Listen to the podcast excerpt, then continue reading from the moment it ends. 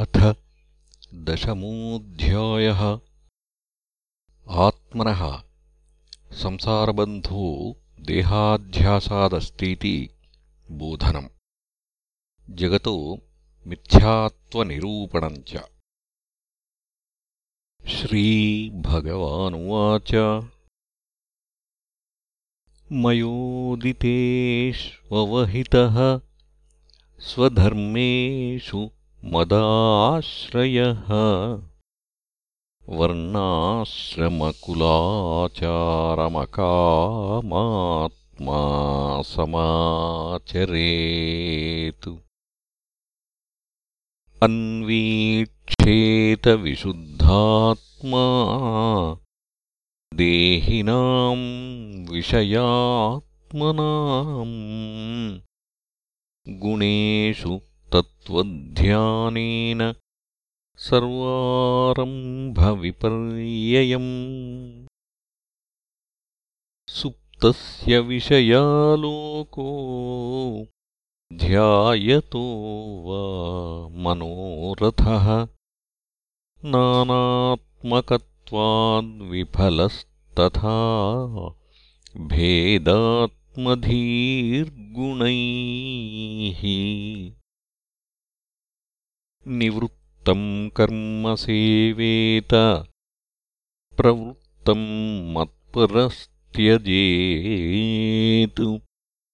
जिज्ञासायाम् सम्प्रवृत्तो नाद्रियेत्कर्मचोदनाम्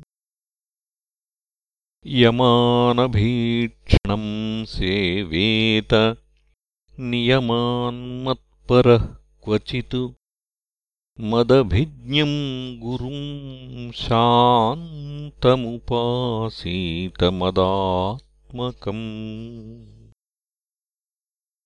अमान्यमत्सरो दक्षो निर्ममो दृढसंहृदः असत्वरोर्थ जिज्ञासुरनसूयुरमोघवाक्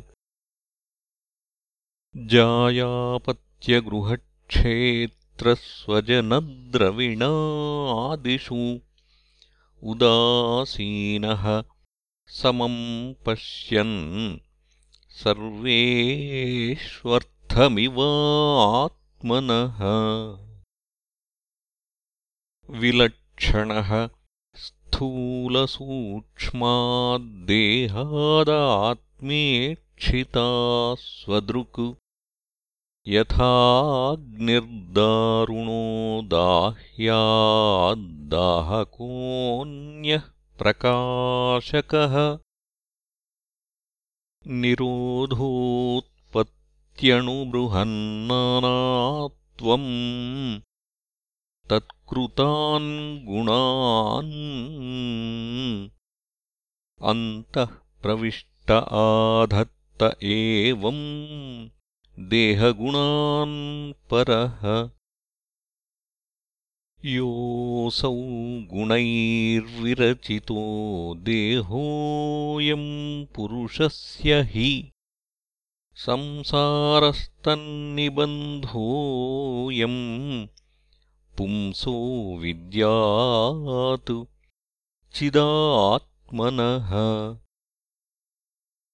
तस्माज्जिज्ञासयात्मानमात्मस्थम् केवलम् परम्। सङ्गम्यनिरसेदेतद्वस्तु बुद्धिम् यथाक्रमम् आचार्योरनिराद्यः स्यादन्ते वा स्युत्तरारणिः तत्सन्धानम् प्रवचनम् विद्यासन्धिः सुखावहः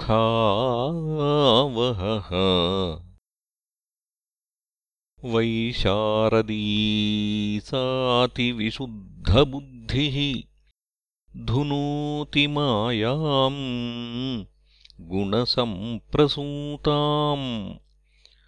पुंसांश्च सन्दह्य यदात्ममेतत्। स्वयम् च शाम्यत्यसमिद्यथाग्निः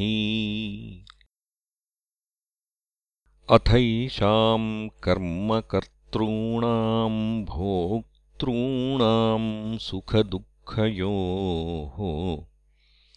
नानात्वमथ नित्यत्वम् लोककालागमात्मनाम्।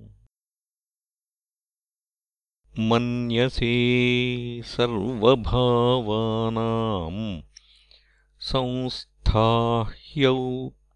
संस्थाह्यौत्पत्तिकी यथा तत्तदाकृतिभेदेन जायते भिद्यते च धीः। एवमप्यङ्गसर्वेषाम् देहिनाम् देहयोगतः कालावयवतः सन्ति भावा जन्मादयो सकृत् तत्रापि कर्मणाम् कर्तुरस्वातन्त्र्यम् च लक्ष्यते भोक्तुश्च दुःखसुखयोः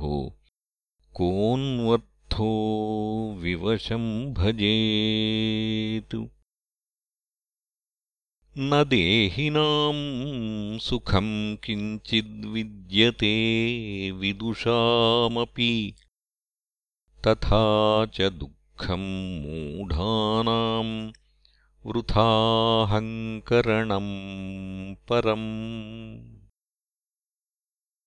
यदि प्राप्तिम् विघातम् च जानन्ति सुखदुःखयोः।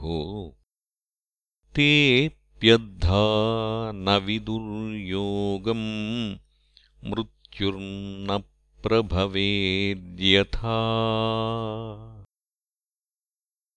कोऽन्वर्थः सुखयत्येनम् कामो वा मृत्युरन्तिके आघातम् नीयमानस्य वध्यस्येव न तुष्टिदः।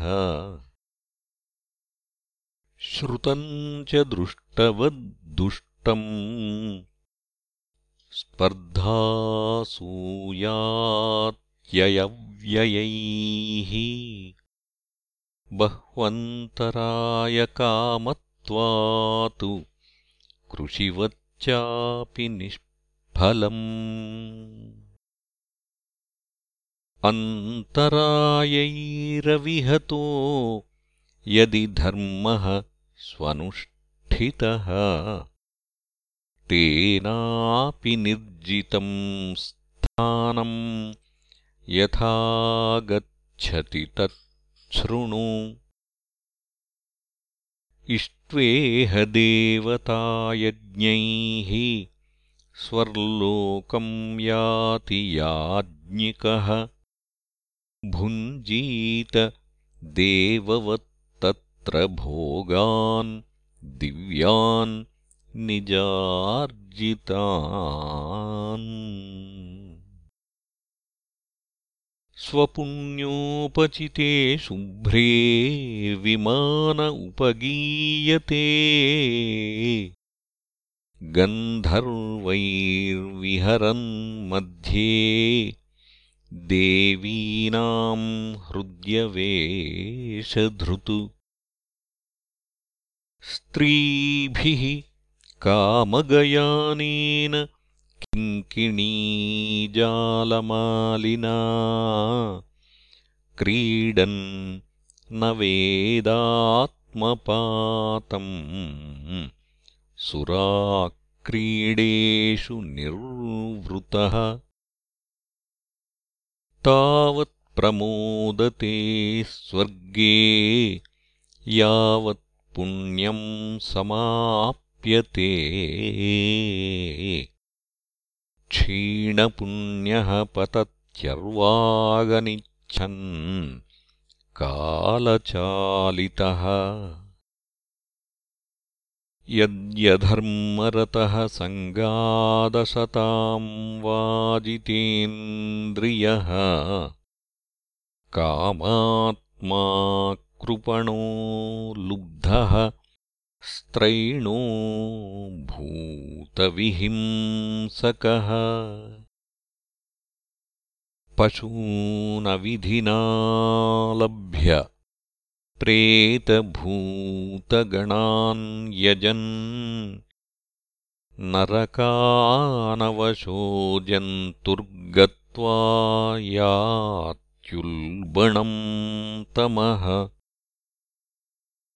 कर्माणि दुःखोदर्काणि कुर्वन् देहेन तैः पुनः देहमाभजते तत्र किं सुखम् मर्त्यधर्मिणः। लोकानाम् लोकपालानाम् मद्भयम् कल्पजीविनाम्। ब्रह्मणोऽपि भयम् मत्तो द्विपरार्धपरायुषः।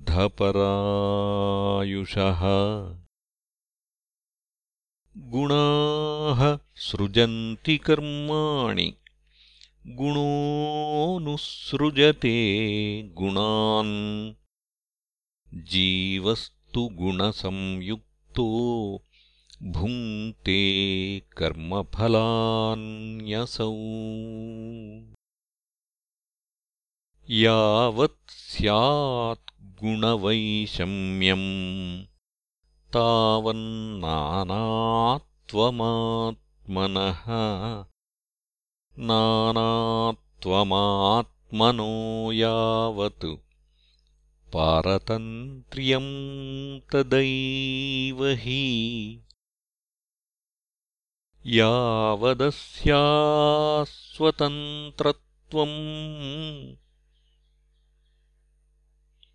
तावदीश्वरतो भयम्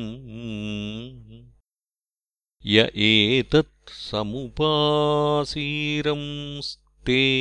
मुह्यन्ति शुचार्पिताः।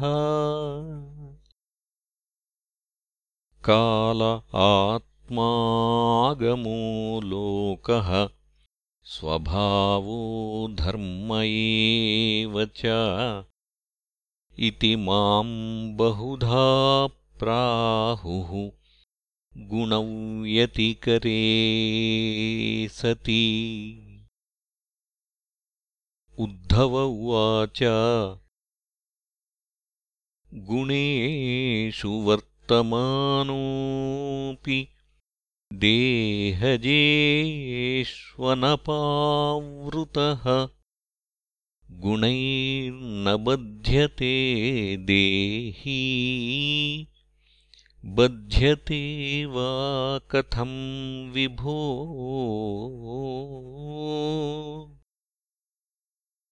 कथम् वर्तेत विहरेतु? कैर्वाज्ञायेतलक्षणैः किम् भुञ्जीतोत विसृजेतु? शयीतासीतयाति वा एतदच्युत मे ब्रूहि। प्रश्नम् प्रश्नविदाम् वरा।